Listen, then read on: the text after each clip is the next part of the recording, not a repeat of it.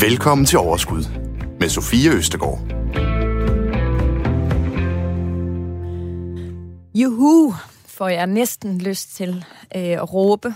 Jeg vil spare jer for mit råberi, men øh, jeg vil fortælle jer, at jeg har glædet mig til, at det endnu en gang skulle blive tirsdag. For det betyder jo, at vi skal have overskudsbrillerne på. Og den her gang, der skal vi tage et lille kig på investering af vores pensionsopsparing. I program 23 for nogle uger siden, der tog vi sådan en grundig gennemgang af de mange forskellige pensionsopsparingsmuligheder, øh, som der er. Vi kiggede på pensionsselskaber, vi kiggede på gebyrer, og selvfølgelig kiggede vi ikke mindst på forsikringer, som vi altså også fandt ud af er øh, rigtig vigtige at have styr på i forbindelse med vores pension. I dag, der tager vi ligesom lige skridtet videre. Vi skal nemlig have undersøgt, hvordan vi selv kan have indflydelse på øhm, investeringerne hos vores pensionsselskab, og hvilken risiko vi dermed øh, tager. Derudover så skal vi også snakke øh, om oprettelse af eventuelt vores egen investeringsopsparing. For eksempel en ratepension hos Nordnet, hvor vi selv har fuld bestemmelse over, hvad der skal investeres i. Om det er en god idé, og for hvem det kan betale sig, det får vi svar i det her program. Det her, det er Overskud. Velkommen til. Jeg har selvfølgelig øh, en ekspert. Jeg er altså streg under ekspert med til at gøre os øh, alle sammen meget klogere på det her øh, emne. Og Hans Peter Christensen, det er dig. Ja, hej. Goddag. Du er jo øh, direktør hos øh, Uvildig.dk, som du faktisk også er grundlægger af og startede i øh, 2009. Og øh, vi to, vi har faktisk øh, for flere år siden arbejdet sammen i et øh, investeringsrådgivningsfirma, øh, for det ikke skal være løgn. Og derfor så kender vi to hinanden, og du hedder jo Hans Peter, men jeg kender dig altså som HP. Så det tænker jeg at kalde dig igennem programmet her. Er det fint med dig? Det er meget velkommen til. Det er jeg glad for. Jeg vil også gerne sige velkommen til dig.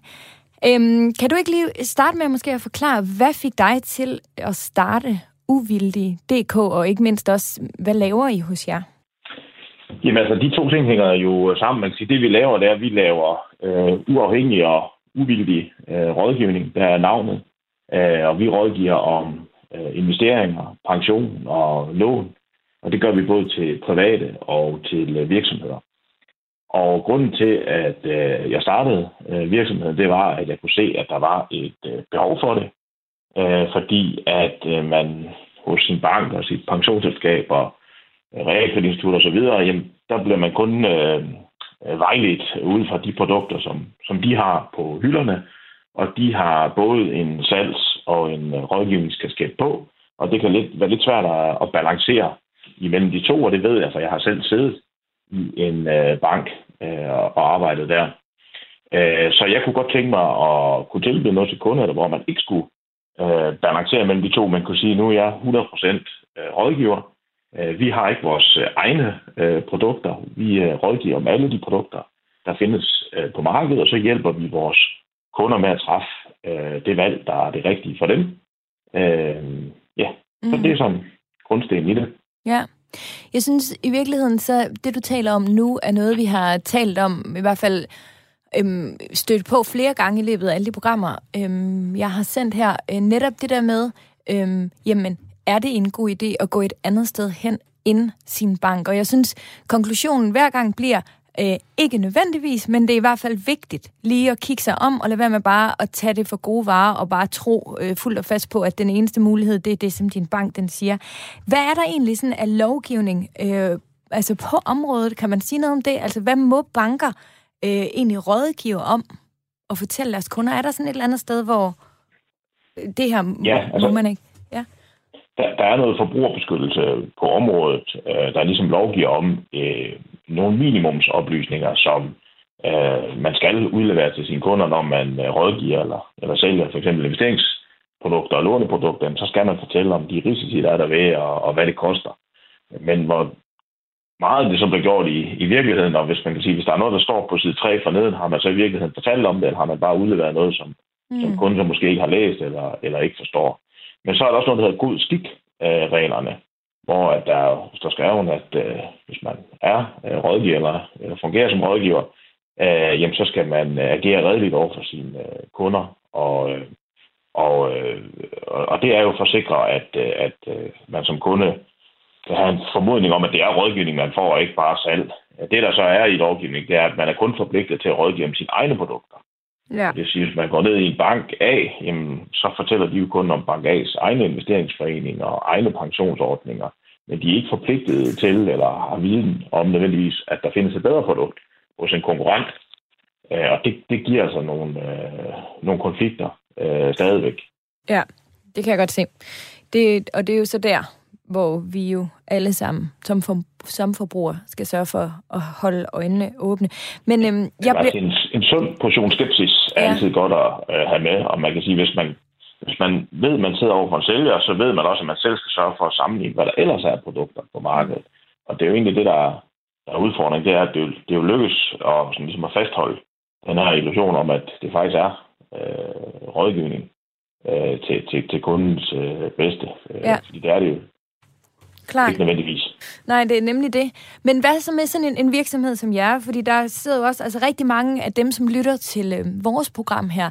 Det er jo helt almindelige mennesker. Det er jo helt, øh, altså, som har en helt almindelig indtægt, og som, som, som rigtig gerne vil optimere øhm, og, og som har øhm, øh, stor interesse for selv øh, at tage et ansvar og rent faktisk øh, gøre noget øh, ved sin økonomi. Men der kan man også tit have sådan en sådan nogen som jer, hos for eksempel Uvildige, eller nogle af de andre, øh, som vi også har haft repræsenteret i programmet her, at det er måske lidt mere for mm, nogen, der har øh, noget flere penge, altså hvor, hvor man tænker sådan, at min lille almindelige økonomi, den, den, øh, det kan ikke betale sig. Altså, hvilke nogle kunder rådgiver I?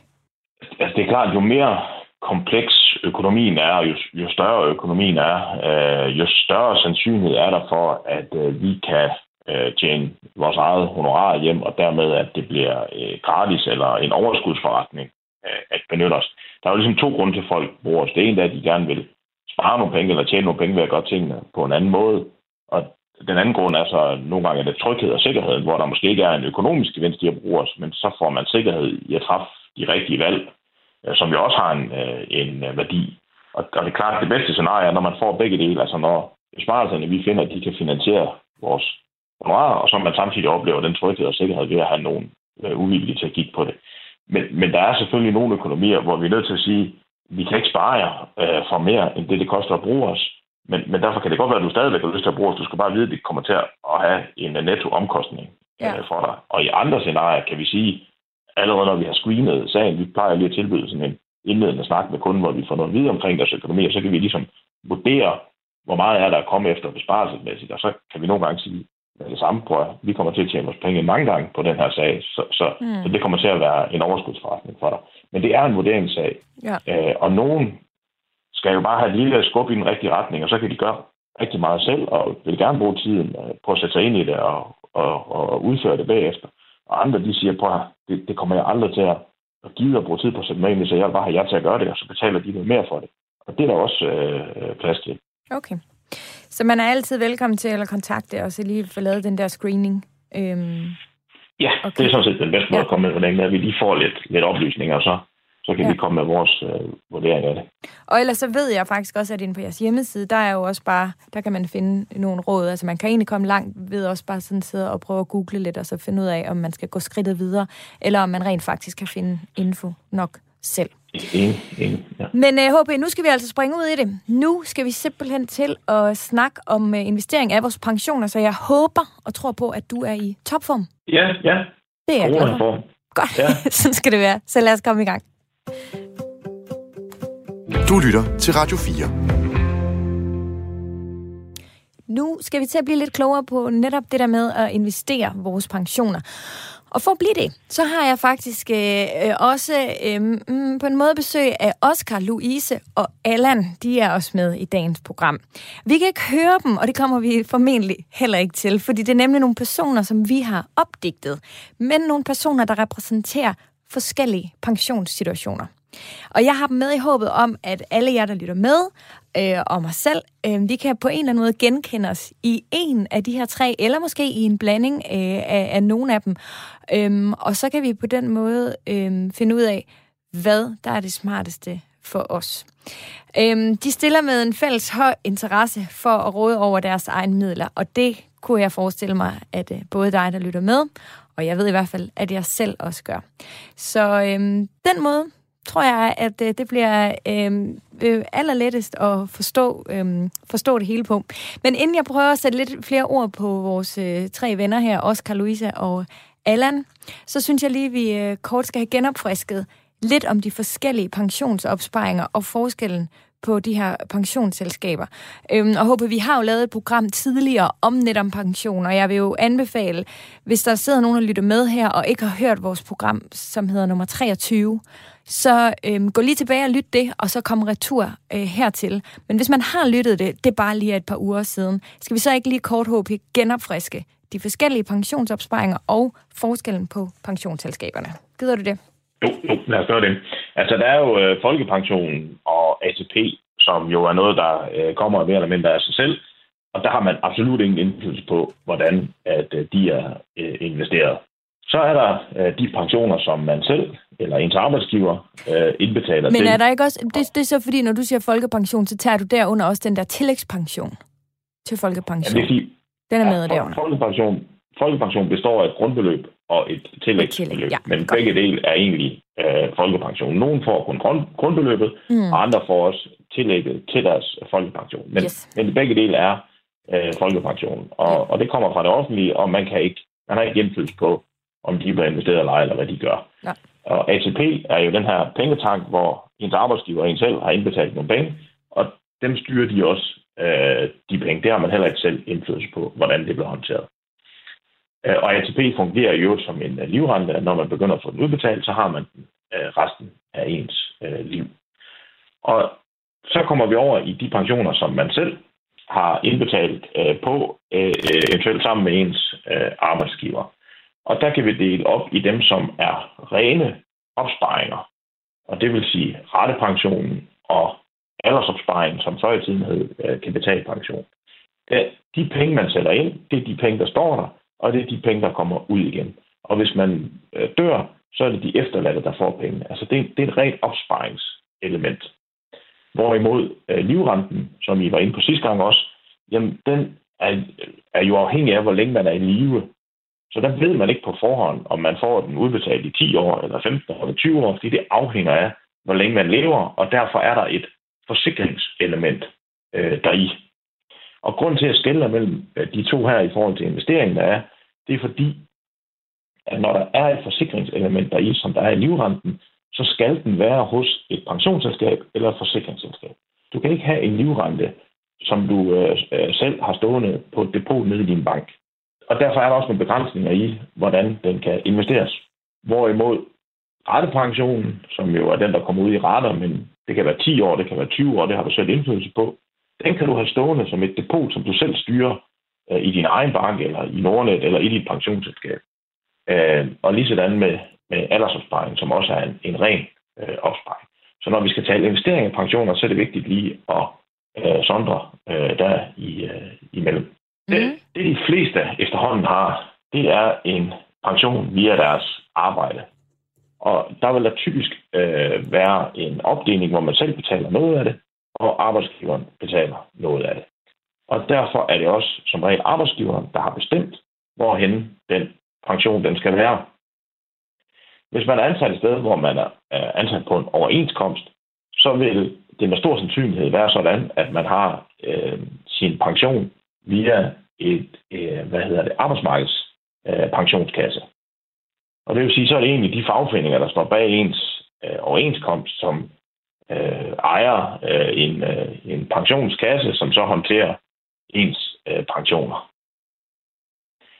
Øh, er man ansat et sted, hvor, det ikke, hvor man ikke bruger en arbejdsmarkedspension, jamen så er det typisk et kommercielt øh, pensionsselskab. Og når jeg siger kommercielt, så er det altså nogle selskaber, som øh, konkurrerer på hele markedet, og som ikke er bundet op på nogle bestemte overenskomst eller noget, men som hvis en stor virksomhed siger, at vi har 1000 medarbejdere, vi vil godt have den bedste pensionsordning til alle vores medarbejdere, jamen så går den virksomhed ud og laver et udbud, og så spørger de de kommercielle pensionsselskaber, vil I ikke byde ind, hvad kan I tilbyde vores 1000 medarbejdere? Og så kører der sådan en udbudsrunde, og så skal virksomheden jo så vælge den pensionsordning, de mener, der er bedst til deres medarbejdere, målt på de betingelser, de kan få, hvad koster forsikringerne, hvad er omkostningerne osv. Og de der kommersielle øh, pensionsskaber, der er der som regel flere muligheder for at investere, end der er i de mere traditionelle arbejdsmarkedspensionskasser, som var dem, man typisk har, hvis man er på en overenskomst. Men er omkostningerne så ikke også højere? Man kan sige, at dem, der kører, øh, som, øh, der, der kan du dele op og sige, at nogle af de her pensionsselskaber, de er, er non-profit. Altså det er medlemmerne selv, eller fagforeningerne, eller, eller nogle fonde, eller noget, som ikke, skal, som ikke har profit som et endeligt mål. Det er dem, der styrer dem. Og så, og så burde de jo kunne tilbyde det billigere, mm. fordi at der ikke er nogen aktionærer eller andre, der skal tjene øh, penge øh, på det. Og omvendt har du på den anden side sådan de helt øh, traditionelle øh, aktionærejede, børsnoterede øh, Top Danmark og, og Danica, som er en del af Danske Bankkoncern osv., jamen de er jo almindeligt profitorienterede, og derfor vil nogen argumentere for, at så er de sikkert også dyre, fordi de skal jo også tjene profit til deres ejere, men andre vil sige, at netop fordi de er profitorienterede, så er de måske, har de måske mere fokus på at være effektive, så derfor kan, kan de sagtens konkurrere, selvom øh, de skal lave profit til deres ejere. Ja. Og det er jo sådan lidt en, en diskussionssag, og, og tit skal du helt ned på det enkelte udbud for at vurdere, hvad for en af dem, der mm. er, er billigst. Men jeg vil sige, det, der er mest afgørende, det er, om du ansætter i en virksomhed, hvor der er 1000 medarbejdere, eller du ansætter i en, hvor der er 10 medarbejdere. Mm. Fordi hvis, hvis der kommer et udbud, hvor det er 1000 medarbejdere, jamen, så kan man opnå nogle bedre betingelser, end hvis man er 10 medarbejdere. Ja. Øhm. Det giver god mening. Du lytter til Radio 4. Nu skal vi nemlig møde Oscar. Oscar, han er sygeplejerske, og dermed så er han altså offentlig ansat. Han har derfor pensionsselskabet PKA, som er en pensionskasse. Øh, ja. Hvad for nogle øh, øh, andre pensionsselskaber kan nævnes som overenskomstbaseret? baseret? Jamen, øh, det er sådan noget øh, industriens pension, og der er pensam, og der er øh, sampension. Og nogle mm. af dem er jo sådan et fællesskab af, af, af det her PKA også. Altså flere faggrupper, der så er samlet i et øh, sådan øh, paraplyorganisation, der så styrer øh, pensionerne for de, øh, for de enkelte. Ja, okay. Øh, ja. Men nu ud fra det, vi ved om Oscar, han er sygeplejerske, han er offentlig ansat, øh, han har PKA. Hvad ved vi så øh, om ham øh, og hans pension? Jamen, som offentlig ansat, der, øh, det, der er lidt anderledes i forhold til de fleste private, det er, at der kommer pensionen ud over ens løn. Altså normalt, øh, hvis du har øh, som privat ansat, så siger du måske, at jeg har en løn på 30.000, og min arbejdsgiver betaler 10% i pension, og jeg betaler 5% i pension. Mm. Jamen, så lægger arbejdsgiveren øh, 10% af de 30.000 øh, oveni, og så bliver der så trukket øh, 5% af de 30.000, altså 1.500 fra din løn. Så, så I har sådan en, en tredjedels betaling fra medarbejderen, og to tredjedel fra arbejdsgiveren, der så ryger ind i en pensionskasse.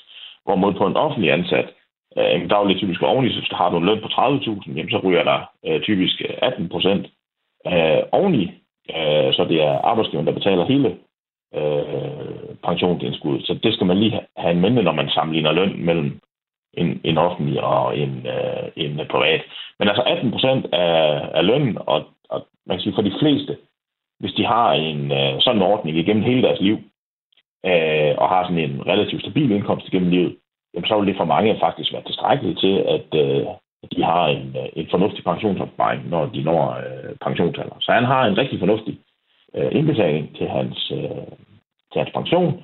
Øh, så, så for ham, også med hans alder, øh, vil det ikke være aktuelt at lave en masse ekstra opsparing øh, ved siden af. Så det her det er ligesom den pension, han har og bør have, der hvor han er i hans øh, liv. Ja, og det er, fordi vi siger, at vores Oscar lige nu, vi siger, at han er 30. Ikke? Ja. Så mener du, at han, øh, det kører fint. Kan man øh, som offentlig ansat, øh, kan man, altså hvad, hvad kan man egentlig? Kan man vælge, om man har det ene eller det andet livrente, eller om man har rate, eller, eller er det hele bare bestemt?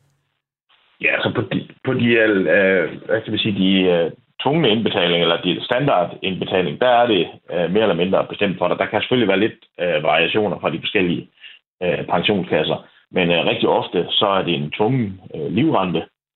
Øh, og, og man kan sige, at livrenten har jo så den fordel, at, at den giver en udbetaling hele livet, så, så man kan sige, hvis man overhovedet ikke interesserer sig for øh, pension og planlægning af pension, jamen så er det måske i virkeligheden sådan det mest øh, det produkt, der giver dig en mest stabil pension, fordi mm. du får cirka det samme udbetalt resten af dit liv. Ja. Så, så det er så fordelen med livrenten. Men, men ulempen er så, at den mangler noget fleksibilitet. Øh, hvis nu han, øh, han ønsker at have en højere indkomst de første 10 år af hans pensionsalder, fordi der vil han gerne rejse med mere eller gøre nogle andre ting, jamen, mm. så har det været bedre, at det har været en rette pension. Øh, og, og i min verden bør man altid fylde rettepensionen op først, fordi det er mere fleksibelt. Man kan godt ændre noget fra rettepension til livrente, men ikke den anden vej. Øh, så så øh, det ville være mere fordelagtigt for mig at se, at man havde sat det ind på noget rettepension. Men, men, men som offentlig kan du ikke vælge? De, de tilfælde, jeg har set her, der er standard i hvert fald, at de ryger ind på, øh, på, ja. på livrenten. Øh, og jeg ved ikke, hvis du tramper hårdt nok i bordet over, om du kan få det lavet om. Det kan du måske godt. Men så skal du i hvert fald selv være, være ops på det. Øh, ja. Så det kan være, at man lige skal trampe lidt. Men hvad kan Oscar gøre i forhold til at investere den her øhm, livrentepension? Ja, og igen kan der være lidt forskel på de forskellige øh, pensionskasser, og, og, og vi har set lidt forskelligt, men, men det du som regel, hvis du kan få lov til noget, så er det, at du kan få lov at vælge, øh, hvilken øh, risikoprofil ud af tre mulige. Altså du kan tage en, en meget lav risiko, eller en mellemrisiko, eller en høj risiko. Øh, og, og her snakker vi igen om det, som der ligesom øh, kommer ind som standard. Hvis øh, Oscar han vælger at, at frivilligt at indbetale noget mere, så får han nogle andre muligheder på det, han frivilligt indbetaler. Der får han mere øh, handlefrihed, kan man sige, i forhold til at, at vælge nogle bestemte øh, puljer eller fonde. Okay. Øh, og, og, og grund til, at øh, kan jeg forestille mig, at gøre det på den måde, det er, at det er jo noget nemmere at styre på pensionskassen, hvis at øh, det ligger i nogle foruddefinerede øh, klasser. Og, og, og der kommer vi så måske allerede her lidt ind på, hvad fordele og ulemper ved at lade pensionskassen styre ens penge det er. Fordi når pensionskassen styrer ens penge, øh, det er jo, så skal man jo ikke spekulere over det selv. Altså det, så, så slipper man for at skulle tage stilling til nogle ting. Ja. Og det er der nogen, der ønsker. Dem, der lytter til det her program, de vil måske gerne tage stilling. Det er derfor, de lytter og, gør, mm. og forsøger at gøre sig klogere. Men, men der er også den fordel ved at lade pensionskassen gøre det, at man måske får adgang til nogle andre investeringsmuligheder, som man ikke selv vil få adgang til.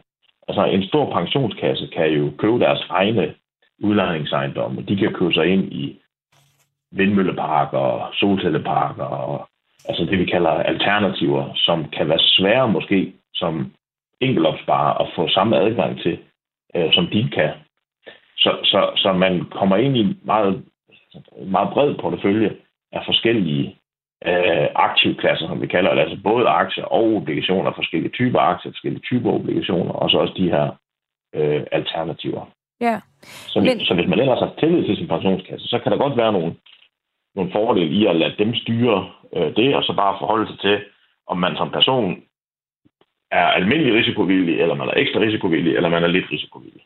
Men nu siger vi, Oscar han lytter faktisk med til programmet her. Øh, han er ja. meget engageret lytter. Øhm, og okay. Oscar han har en idé om, at han vil, altså, han vil, han vil helst investere i, i for eksempel øh, grønne aktier. Ja. Kan, kan han på den måde have øh, nogen som helst indflydelse på sin investering? Jamen altså, hvis han er så engageret, så skal han jo stille op til de her forskellige råd, der typisk findes i de her medlems- eller foreningsejede øh, pensionskasser. De har jo sådan noget øh, kundedemokrati, eller hvad man kalder det, hvor, hvor de ligesom har nogle, øh, nogle delegerede, der kan deltage i nogle forskellige øh, udvalg, for eksempel på investeringssiden, og, og man kan jo også skrive til, øh, til dem, hvis man kender nogen, eller man sidder derinde, eller se ind på nettet, hvem er det egentlig, der, der står bag den her pensionskasse. Så kan man da godt skrive og sige, jeg ønsker, at vi får nogle flere øh, grønne investeringer. Men jeg vil sige, generelt har pensionskasserne jo fået øjnene op for, for grønne investeringer, hele det her ESG. Ja. Øh, så så, så øh, der, de vil nok allerede have taget stilling mm. til det, og, og de, alle dem, jeg har set, de har jo fravalgt, øh, øh, hvad hedder det, klyngebomber, og, og øh, mange har også nogle mål om øh, maksimalt øh, øh, øh, ind, hvad hedder det, investering i, i virksomheder, der har med kul at gøre, og nogen fravælger også uh, tobak og alkohol osv. Så, så, ja. så der vil man typisk i sin egen pensionskasse skulle se, hvad er politikken Og det kan man altid gå ind og kigge. Det, det er det står inde på deres hjemmeside. Ja. ja.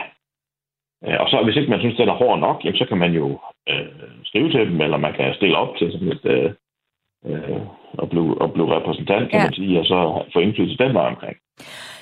Men nu var du kort ind på, om Oscar, han så skulle, hvis han indbetaler noget mere øh, frivilligt, så kan han måske gøre øh, selv være med til at bestemme lidt over det. Men, men hvorfor skulle Oscar egentlig ikke bare lave, hvis han, hvis han for eksempel gerne vil øh, indbetale mere, hvorfor skulle han så ikke lave en et andet sted, som han har fuld øh, råderet over, hvor han kan fuldstændig bestemme, hvad der skal øh, investeres øh, i. Og som du siger, at øh, øh hvad hedder det, pensionsselskabet har en fordel i, at man de kan måske gå ind og investere nogle steder, hvor, øh, hvor, hvor man måske som enkeltperson ikke på samme måde kan være med.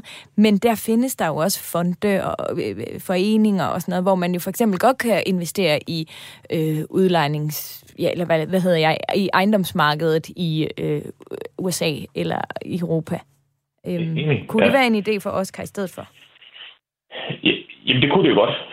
Altså, igen vil jeg så sætte spørgsmålstegn ved, øh, om, om det skulle være som en pensionsopsparing så. Jeg vil nok sige, der hvor han er i hans liv, så er det måske bedre at bare lave en aktiesparekonto eller noget andet, og så, og så øh, investere det, han vil på den måde, fordi han har så stor en pensionsbetaling mm. for, i forhold til, øh, hvor han er hen i livet. Der er nok nogle, nogle ting med at få afbetalt noget gæld af få noget hus eller andet, der er vigtigere. Okay. Øh, eller, eller så spare op øh, på en aktiesparekonto. Så, så, så på den måde, men, men, men dem kan han så sagtens investere selv. Ja. Hvad skulle tale for, at han skulle vælge pensionskassen, spørger du også om. Jamen det skulle så være fordi at sige, jamen nu har han jo øh, sine penge der i forvejen, øh, så det var måske nemmere for ham, at det var samlet et sted. Og der er jo nogle administrationsomkostninger ved at have en uh, pensionsopsparing, øh, og dem, dem betaler han jo allerede. Så, så det at putte ekstra penge ind er som regel billigere, hvis man, er, ja. hvis man har en pensionsordning i, uh, i forvejen mm. i pensionskassen. Klart. Men for, som fra 30 år så til han kan gå på pension, som vi hørte i sidste program, hvor han formentlig skal være 70, eller bare 70, eller 120, eller hvad ved jeg, hvor den ender, øhm, så skal han jo selvfølgelig netop, som du siger, være sikker på, om han vil binde de midler så længe, eller om han måske skal bruge dem øhm, tidligere. Hvad nu hvis vores Oscar, han er 45, og han ikke betaler topskat, og han har lidt lån i et hus? Vil du så sige, at han bare skal fortsætte med sin øhm, øh, med sin ja, 18 procent af pension og bare øh, have det øh, kørende lige, så, lige sådan og vælge den samme risiko, eller er der noget, han skal ændre?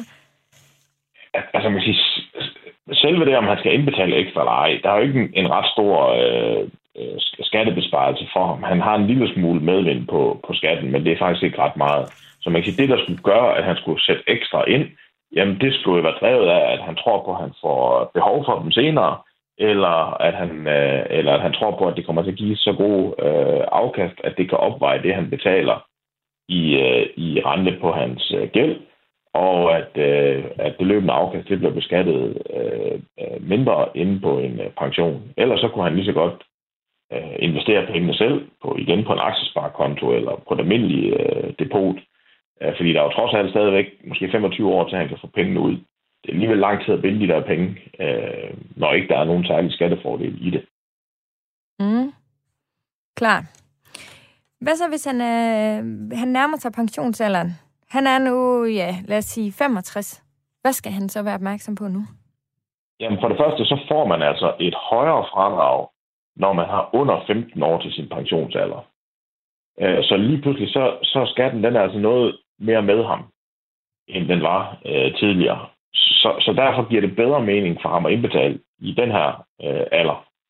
Øh, og han kan også meget bedre overskue, hvad er konsekvenserne ved at indbetale, eller ved ikke at indbetale. Altså, hvad har jeg pensioner, når jeg går på pension? Har jeg egentlig nok, eller, eller mangler jeg noget? Mm. Øh, vil ekstra indbetalinger komme til at betyde, at jeg får mindre i folkepension osv.? Altså, der, der kan man lave nogle meget mere præcise beregninger på konsekvenserne ja. ved at indbetale og ikke indbetale. Og det med det højere øh, fradrag, er det uanset om, at han stadigvæk ikke betaler topskat? Ja, der er kommet det, der hedder sådan et særligt pensionsfradrag. Fordi der var faktisk rigtig mange mennesker, hvor det ikke kunne svare sig at sætte ekstra ind på mm. pension på grund af skattereglerne og på grund af de her modregningsproblematikker med, at man får mindre folkepension. Så der lavede man fra politikernes side øh, sådan en, et ekstra fradrag. Øh, og, og, og der er dem, der kun har, der har under 15 år til deres folkepensionsalder, de, de får mere af det ekstra fradrag. Fordi det var særligt dem, der var bekymrede for at sætte, sætte ekstra ind på grund af modregningen. Så det er altså et, der er kommet her øh, for nyligt. Øh, et okay. særligt pensionsforlag. Jamen, Og det giver yderligere 8, 8 procent ud over det, man trækker fra i sin bundskat. Så man kan sige, når han sætter 100 kroner ind på en pension, så får han 45 kroner tilbage i skat. Og når engang han skal udbetalt igen, så betaler han 37 kroner i øh, skat, hvis ikke der er nogen modregning. Så han tjener altså de der cirka 8 procent. Og er det uanset, om det er en livrente eller rate? Det er uanset om det er livrente eller rate, ja. Okay, fremragende. Nu skal vi møde Louise. Yes. Louise, hun er ansat hos Novo Nordisk, og dermed så er hun jo ansat i en privat virksomhed. Hos Novo Nordisk, der har medarbejderne øh, PFA-pension, og det fik de netop efter sådan en budrunde, som du var inde på tidligere i 2019, hvor det var PFA, der vandt. Hvad siger det øh, om Louises pension? Jamen, øh, så har Louise garanteret sådan en ordning, hvor at hun betaler, øh, som jeg nævnte før, en, en tredjedel selv, og så betaler hendes øh, arbejdsgiver øh, så to tredjedel. Og uden jeg lige kan huske, hvordan betingelserne er hos dem, så vil jeg skyde på, at det sådan er en, måske en 5,5 eller 11, eller, eller 6 og 12, eller 5 og 10. De har sådan, at hun samlet set indbetaler måske en 14, 15, 16, 17 procent af hendes øh, løn øh, via den aftale, hun, øh, hun har øh, der. Øh, sagde du, hvor hun lå hen skattemæssigt? Det har jeg ikke sagt noget om, nej. Men øh, Øh. hun, er, hun har en høj stilling, tænker jeg. Ja. Så hun betaler topskat. Hun betaler topskat. Ja, og, og, og det gør jo regnestykket noget anderledes øh, for hende i forhold til Oscar, som vi talte om øh, før, i det han ikke betalte topskat, fordi man får altså et noget højere fradrag øh, ved at indbetale øh, på pension, når man er i, i, i øh, topskatten. Og, og det lyder som om, at det er en øh, kæmpe fordel, men det er jo bare fordi, hvis ikke man indbetaler, så skal man betale en højere skat. Mm. Så, så det er ikke fordi, man bliver forfordelt som topskattemodtager tværtimod, men, men, men man, man slipper altså, øh, man har mere ud af at, at indbetale på en øh, ratepension eller en livrente, end, end en, der ikke betaler topskat. Ja. Øh, så for hende kunne der måske være mere ræson i at, at lave nogle ekstra indbetalinger selv, og så vil hun jo skulle tage stilling til, om hun skal fylde mere på den aftale, hun allerede har hos PFA, eller om hun skal benytte lejligheden til at sige, så opretter jeg mit øh, eget depot, som du er inde på hos, øh, hos Oscar. Øh, og så kunne hun jo sige til PFA, jamen dem jeg indbetaler hos jer, dem vil jeg gerne have som en livrente, fordi så har hun selv muligheden for at indskyde på en ratepension i hendes øh, bank eller hos øh, Nordnet, øh, hvor hun har det hende. Ja. Der er jo en begrænsning på, hvor meget man kan sætte ind på en ratepension. Så hvis hun, ja, og hvor det- meget er det, det er? Jamen det er de her cirka 58.000, vi svæver op på her i 2021. Ja. Mm. Måske øh, er det mig, der har misforstået det lidt, men i det her program må man jo hjertens stille dumme spørgsmål. Øhm, så HB, hvis nu Louise her gerne vil sætte flere penge ind, øhm, lad os nu sige, hun har en svingende indtægt for eksempel. Hun har noget bonus for eksempel, der bliver udbetalt på et eller andet tidspunkt i Ja. året. Så hun ved ikke i januar og februar, måske ved hun ikke i de to første kvartaler, hvad hendes egentlige års øh, indtægt øh, bliver, og om hun ryger topskat eller ikke topskat, og hvor meget. Vil hun så kunne lave en, altså i slutningen af året, en lidt større ekstra indbetaling til pension, eller skal det være hver måned, at man ligger lidt ekstra? Forstår du mit spørgsmål? Ja, det gør jeg. Hun kan sagtens indbetale ekstra selv. Øh, Og igen er der to måder. Hvis hun gør det privat, øh, så tager hun jo nogle penge fra hendes almindelige konto og fører over på en øh, ratepensionskonto i en øh, bank, for eksempel. Og det vil sige, så sætter hun måske 50.000 ind, og det er jo så 50.000, der forsvinder fra hendes konto, men til gengæld, så får hun jo så øh, cirka 25.000 tilbage i, øh, i skat, når hendes årsopgørelse kommer. Ja. Den anden mulighed, det er, at hun ringer til lønkontoret og siger, kære lønkontor, her i øh, november måned og december måned, der vil jeg gerne have, at I trækker ekstraordinært 25.000 øh, fra min løn og sætter ind på min øh, pensionsordning. Og det kan så enten være pensionsordning, hun giver besked, eller så giver lønkontoret besked, eller omvendt. Øh, og så bliver det simpelthen indeholdt af hendes løn, og så får hun bare udbetalt øh, cirka halvdelen af det øh, mindre. Ja, okay. Men så, men så er det jo via hendes arbejdsgiverordning, altså så er det jo hos Ja. ja. PFA. Ja, ja Så, helt så klart. det, det, det, er jo- det er jo det, hun skal stilling til. Hun skal sige, okay, jeg vil gerne sætte nogle ekstra penge ind. Punkt 1, skal det være øh, livrente hos PFA, og så rettepension et andet sted, eller skal jeg køre det hele hos øh, PFA? Og det afhænger af at sige, synes jeg, det er sjovt at selv at sidde med en rettepension, som jeg kan investere fuldstændig, som jeg har lyst til, via min bank. Jeg kan købe, der, der er nogle lovgivningsmæssige begrænsninger på, hvad man må købe, men, men jeg kan selv bestemme, om jeg køber aktie A, B eller C, eller om det skal være grønt eller sort, eller hvad det skal være. Mm. Eller er jeg godt tilfreds med den måde, PFA gør det på, og få adgang til øh, de øh, fonde, de har, eller den måde, de investerer på. Øh, det er det, hun skal gå op med, med sig selv. Ja. Og PFA har jo også sådan en linked-ordning, hvor, hvor man kan vælge fonde. Altså, det kan hun også på PFA. Så hun kan vælge, at skal PFA investere penge for hende? Vil hun vælge blandt de fonde, som PFA har stillet til rådighed, eller vil hun sætte dem ind i en bank, hvor hun så kan vælge mellem alle fonde, kan man sige. Det er de tre valgmuligheder, hun har. Men når du siger bank, så kunne det vel i princippet også være Nordnet, eller? Ja, Nordnet er også en ja, bank. Ja, ja okay. Ja, ja, ja. Godt. Øhm, jamen, øhm, hun har så en rettepension. Hun kunne maks sætte små 60.000 ind, som det ser ud lige pt. Vil hun selv... Ja, vil hun selv kunne ændre det til en livrente? Eller er det... Ja, altså, hun, hun, hun tager fat i PFA og siger, kære PFA, nu skal I høre, det jeg indsætter hos jer. Jeg er rigtig glad for, at I har tidligere har sat, uh, fyldt min ratepension op. Men nu vil jeg gerne øh, indbetale min ratepension et andet sted, så er I ikke søde at lave det hele om til en livrenteindbetaling. Og så siger de, jo, det skal de nok.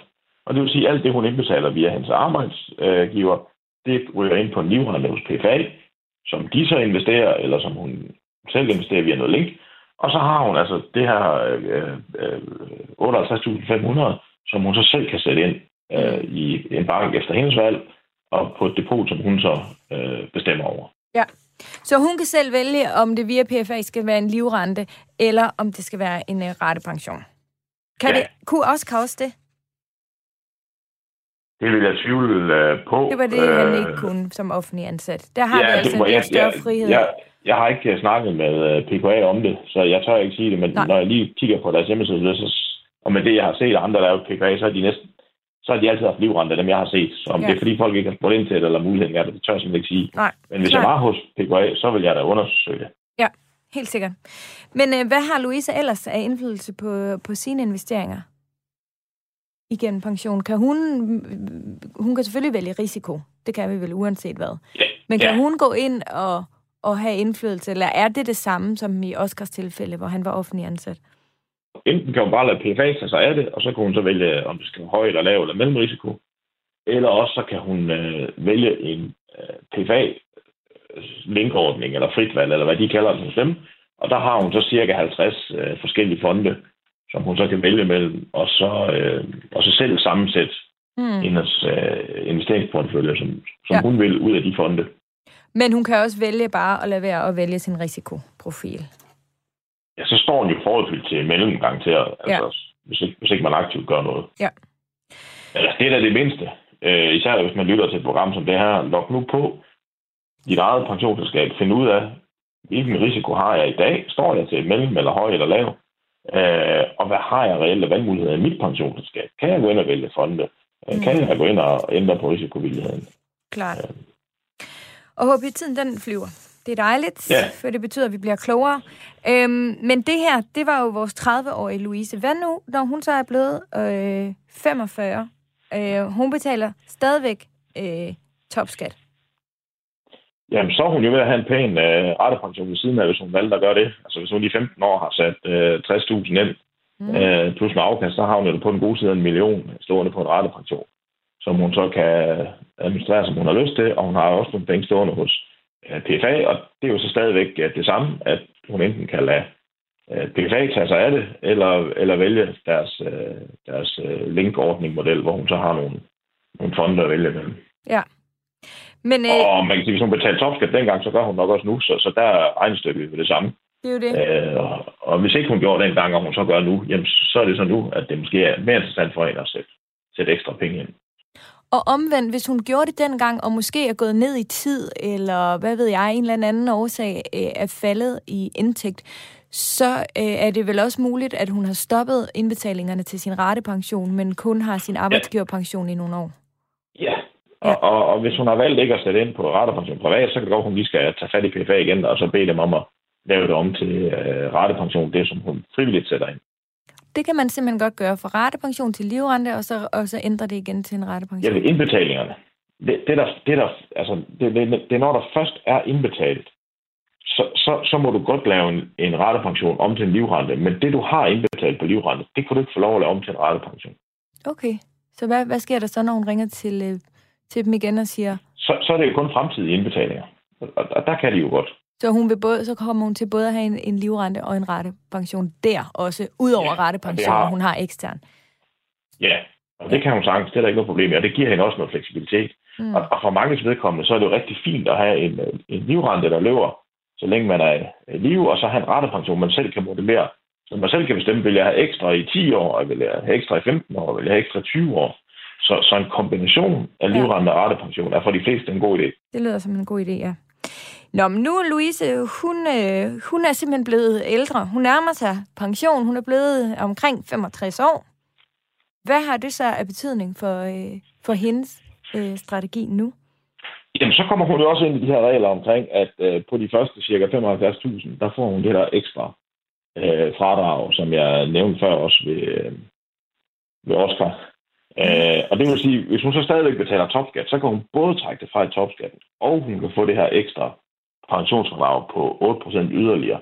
Og det vil altså sige, at, at øh, 65% af det, hun øh, sætter ind, øh, det, det får hun sådan set tilbage i, øh, i skat. Det er jo ikke tosset. Nej. Nej. Det må vi nok sige. det må vi altså nok sige. Øhm, og er det både livrente og øh, rette pension, der giver fradrag i?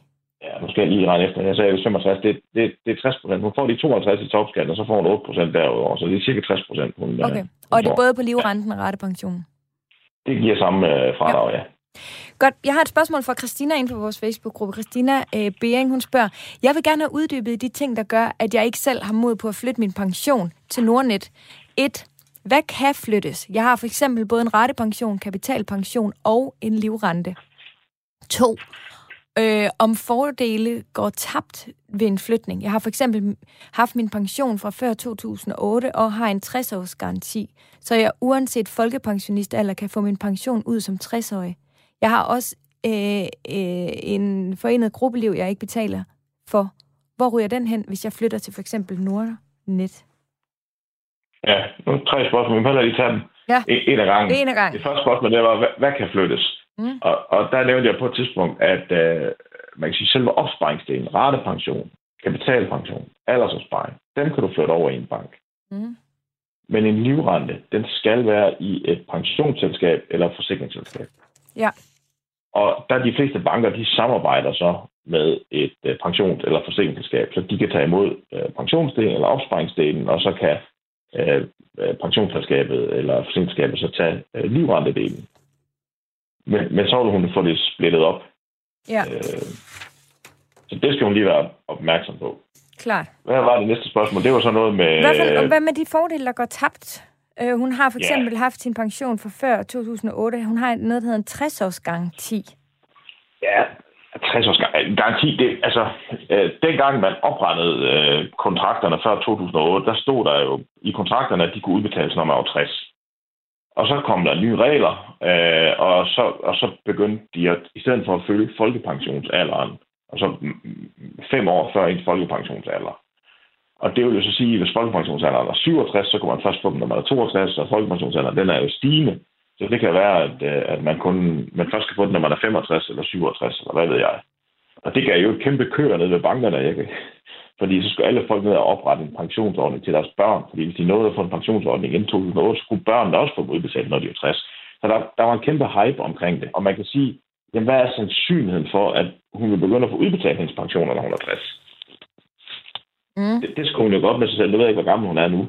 Men, men, men øh, har man overhovedet lyst til at få sin pension som 60-årig? Og hvis man gerne vil stoppe, når man er 60, så kan man også godt spare op på anden vis, end lige at bruge den pensionsordning. Men, men hvis det er vigtigt for hende at have en pension, som hun vil kunne få udbetalt fra hun er 60, og det er vigtigt at sige, at pension bliver ikke mere værd. Altså hvis, hvis det er en rette pension, hvor der står en million på, om hun får den, når hun er 60 eller 65, det bliver den ikke mere eller mindre værd af. Nej. Så, så, så, så det, det er udelukkende derfor, at det skulle have en betydning for hende. Ja. Øhm, og, og, og det er måske også blevet blandet en lille smule sammen med, med at der var nogle øh, garantier på afkastet eller på udbetalingerne, som pensionsskaberne har stillet. Og der, det, det er noget mere kompliceret regnestykke, om man skal give afkast på sådan en eller ej. Okay.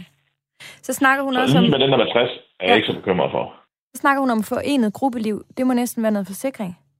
Ja, og hun skriver, at hun ikke betaler for den.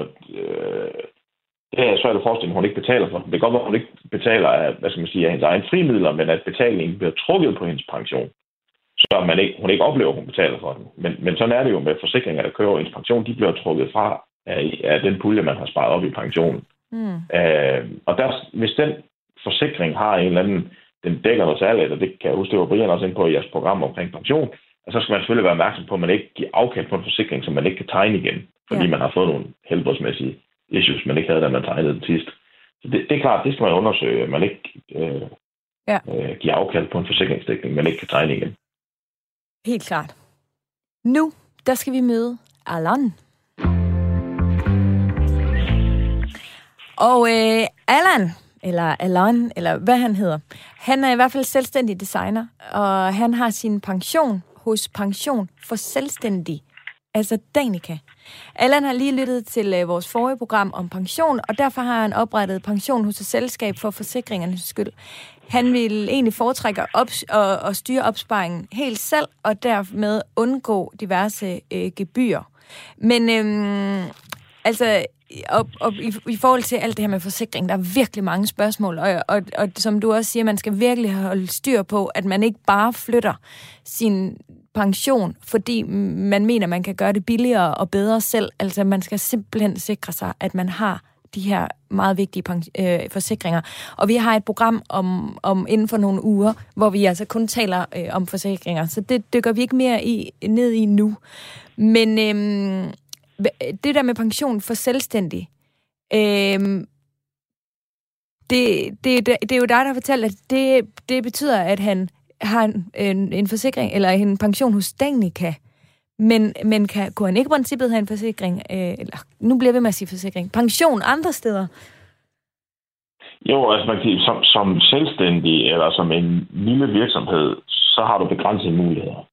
Fordi det er ikke så interessant for et stort pensionsselskab at sidde og håndtere øh, små øh, individuelle øh, personer eller, eller små øh, virksomheder.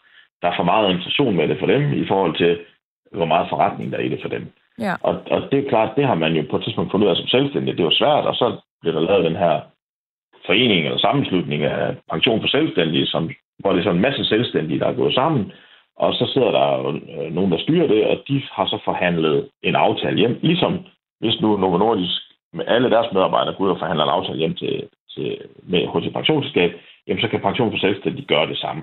Nu har de så været i Danica de sidste 20 år, så vidt jeg ved, så de er mere eller mindre bundet sammen med Danica, men, men teoretisk set, hvis Danica sætter priserne for meget op, så kan pension for selvstændige gå ud og, og få tilbud et andet sted fra, og så skifte det. Ja. Øh, men, men, men lige nu er de, er de godt bundet sammen, kan man sige. Klart. Øh, og, det, og det giver så en uh, selvstændig nogle muligheder for at tegne nogle forsikringer og få nogle uh, uh, uh, omkostningsprocenter af noget, som er lavere, end hvis han selv skulle tegne det. Ja. Individuelt. Men jeg forestiller mig, at man som selvstændig så selv, øh, det er ikke noget med, du ved, det offentlige, det var sådan noget 18 procent over din løn, og øh, privat ansat, så er det som regel 10 procent og 5 procent, man selv betaler, og som selvstændig, det er vel noget, man selv simpelthen skal bestemme? Ja, der sætter man jo selv sin øh, løn, eller også hvis man har en personlig øh, eget virksomhed, så er ens løn, det er jo overskud i, i øh, virksomheden. Og det er klart, pengene skal jo være der.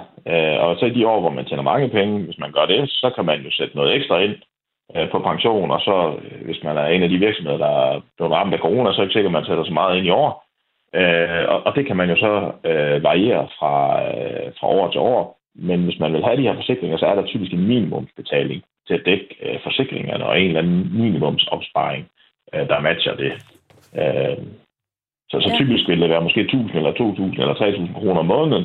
Og hvis man så har et godt år, man kan se sidst på året, at nu går det rigtig godt, så kan man jo fyre noget, øh, noget ekstra øh, ind ja. øh, på pensionen. Og det kendetegner i virkeligheden måske netop selvstændige øh, med, med, med, med mindre virksomheder, eller altså, hvor det netop går både op og ned, at man måske ikke månedligt indbetaler øh, til en pension, eller hvad? Og så når året er ved at være omme, så sætter man det ind, som man ligesom kan vurdere, ja. at det var det, der var. Jeg sige, som sagt, en, en lille månedlig indbetaling til at dække øh, forsikringsdækning og omkostninger vil mm. som være krav, og så øh, kan man sætte ekstra ind, når der, når der er plads til det. Ja. Og hvad, hvad, hvad har Allan her af indflydelse på sine øh, pensionsinvesteringer?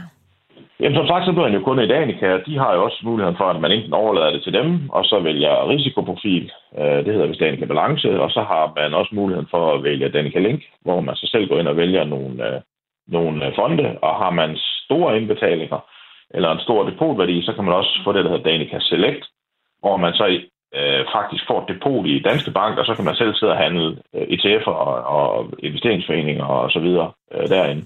Ja. Og der er der rigtig mange at vælge mellem. Vil det så give mening for sådan en som uh, Allan, at han uh, kun betaler et minimum til sin Danica-pension for at få forsikringerne, og så måske uh, laver en, uh, en, altså en, en pension ved siden af i en bank? Herunder, det kunne for eksempel være en mulighed. Det, det kunne sagtens være en mulighed, ja. Igen det her med at have uh, livrente og forsikringsdelen i pensionsselskabet, og hvis han så vil sætte noget ekstra ind på en ratepension i de år, hvor det går godt, så kan han uh, gøre det et sted, der sandsynligvis er billigere end det, han kan få hos uh, Danica. Ja. Og hvad så, som årene går, og han bliver ældre? Hvad skal han så være øh, opmærksom på her? Jamen igen, øh, jo tættere han kommer på pensionsalderen, jo nemmere bliver det at planlægge, og forhåbentlig er der også bedre og bedre resultater i hans virksomhed, så, så, så det bør nok også stige indbetalinger. Og er der så nogle år, hvor han vil sætte rigtig meget ind, øh, eksempelvis måske de sidste 3-4-5 år, inden han går på pension, jamen kommer han over de der 58.500 i år, øh, jamen så er det livrente. Hvis man sætter mere ind i det, så, så, så skal man op og, og, og sætte ind på, på livrente. Der er der til gengæld nærmest ubegrænsede muligheder, så længe det kan indeholdes i hans uh, indkomst. Ja. Vil det give mening? Hvis han sidst på året, hvis han kører det selskab, og han laver lønsel til sig selv, så kan han godt lave en lønsel, hvor der er en bonus på 300.000, der ryger direkte ind på en livrente eksempelvis. Hvis han lige skal indhente nogle år, hvor han ikke har fået indbetalt. Ja, en god pointe. Vil det give mening for ham at altså for eksempel, hvis han har et selskab, øh, og så investerer i, inde i selskabet, i stedet for at tage ja. pengene ud for at give det, til pension? Det er jo, når man er selvstændig. Hvis der er en overskud i virksomheden, jamen, så kan man jo vælge, skal jeg udbetale det som løn? Skal jeg gemme det i mit selskab, og så kun betale selskabsskatten, og så har jeg pengene øh, til, hvis jeg vil investere i noget mere i virksomheden til næste år eller næste år igen, eller jeg vil købe en ejendom, eller hvad pokker jeg vil, eller skal jeg sætte dem direkte ind øh, i pensionsselskab i stedet for? Øh, og, og, og der er fordele og ulemper. Man kan sige, at pensionerne har den klare fordel, at de er kreditorbeskyttet. Og det vil sige, at hvis virksomheden skulle gå konkurs, jamen så de penge, man har nået at spare på pension, dem kan øh, kreditorerne altså ikke kræve øh, at få. Og skulle man blive skilt, jamen hvis man har en virksomhed, der har en værdi, så skal man jo købe sin ægtefælde ud. Øh, de skal, der jo, øh, skal man jo dele formuen, så der skal man risikere måske at finde nogle penge til sin ægtefælde, fordi man har bygget en virksomhed op, der har en værdi. Og det kan så også, det skal jeg ikke blande mig det er fair eller ikke fair. Øh, men det er sådan, det er. Hvorimod hvis det er en pension, jamen, så er det jo som udgangspunkt øh, ens egen. Øh, så de penge, man har fået sat ind der, skal ikke, skal ikke deles. Så, så der er nogle fordele ved, ved, øh, ved ja. pensionsordningerne på den konto. Og, og med i overvejelserne, med i overvejelserne, der skal man også lige have, hvor glad man er for sin ægtefælle, kan jeg høre. Der kan være noget rigt. Det kan være, det er hende, der er ansat ved nogen, og har en stor fed pension. Det kan være, det kan være. Så, så det kan være, det er fair nok. Det kan det ja, der er mange forhold, der spiller ind. Ja, det er meget fint. Programmet er desværre ved at være slut for i dag. Jeg håber, jeg har på fornemmelsen, at vi kunne have talt en time mere øhm, om det, det her. Ja, men øhm, jeg synes også, både i mit eget hoved, men også, at jeg sådan nogle gange bliver mødt øh, med nogen, der har de her tanker om for eksempel at investere i, du var lige ganske kort inde på det, investere i bolig. Altså jeg er måske selv typen, der betaler relativt lidt til min pension, men har så øh, investeret i, i, i noget ejendom øh, i stedet for. Øh, er der andre måder, hvis man nu øh, skulle prøve at være en lille smule kreativ og netop gerne vil have lidt øh, hånd i det, og det måske ikke bare skal være den almindelige pensionsopsparing. Øh, er der så andre måder, hvor man kan spekulere i det, og så få en pensionsopsparing? Eller er det bare dumt? Altså, hvis, det, hvis det er beløb under 100.000, så er aktiesparekontoen jo fint, øh, en fin mulighed. Øh, og, og igen kan man også bare have et depot, som almindelig aktiedepot, øh, hvor man øh, investerer i. Øh, ejendomsudlejning kan være en fin idé, enten som ren øh, udlejning, eller det kan også være, at man gerne vil have et sommerhus, som man selv kan benytte, og som så også har en forhåbentlig en eller anden værdistigning øh, over tid, hvis man vil lige holde det ordentligt, har købt et sted, der ikke bliver oversvømmet osv. Øh, så, så, så så der kan være masser af muligheder. Igen skal man så lige huske det med skilsmisse og kreditorer og sådan noget der, hvis det er, mm. hvis det er noget, man, man ejer uden for pension. Uh, men, men mit hovedbudskab er her, at en kombination er som regel en god ting, fordi de har forskellige fordele og ulemper, både som rent investeringsmæssigt, men også skattemæssigt osv. Og hvis man nu ejer en øh, lejlighed, og som man samtidig har udlejningsejendommen også er lejligheder, så, så er det måske en ret stor andel af ens økonomi, der er bundet op på samme aktivklasse. Så er det måske været bedre, at man havde noget pension, der stod i noget aktier og måske lidt obligationer osv., eller man havde dem øh, ved siden af. Så, så spredning og redning, og det gælder både hmm. inden for den rene investering, men også inden for ens øh, formue. Ja. I det hele taget, at man er delt ud på, på forskellige. Og igen, hvis man er selvstændig, noget af værdierne i virksomheden, noget værdier i pension, noget værdier i sin egen øh, frie privatøkonomi er, er også en, en god idé. Spredning af redning. HB, det, der synes jeg simpelthen, at det er et perfekt sted at øh, slutte øh, dagens program. Så øh, skal vi ikke gøre det der? Ja. ja. Jo, og det eneste, der slår, det er nærmest overblik, så man også ved, hvor man står hen. Ja. Øh, og, og, og bruge lidt tid på at få det, så man ved. Du ved jo ikke, om du har spredning, hvis ikke du har overblikket over din økonomi. Nej, det er helt rigtigt. Et rigtig godt råd lige her på øh, faldrebet. Tusind tak, øh, Hans Peter Christensen fra Uvildig.dk. Øh, det var en fornøjelse at høre på dig i dag, så tusind tak skal du have, fordi du vil være med. Kan du have det godt? Pas på dig selv. Velkommen, og tak, og i lige måde. Tak skal du have.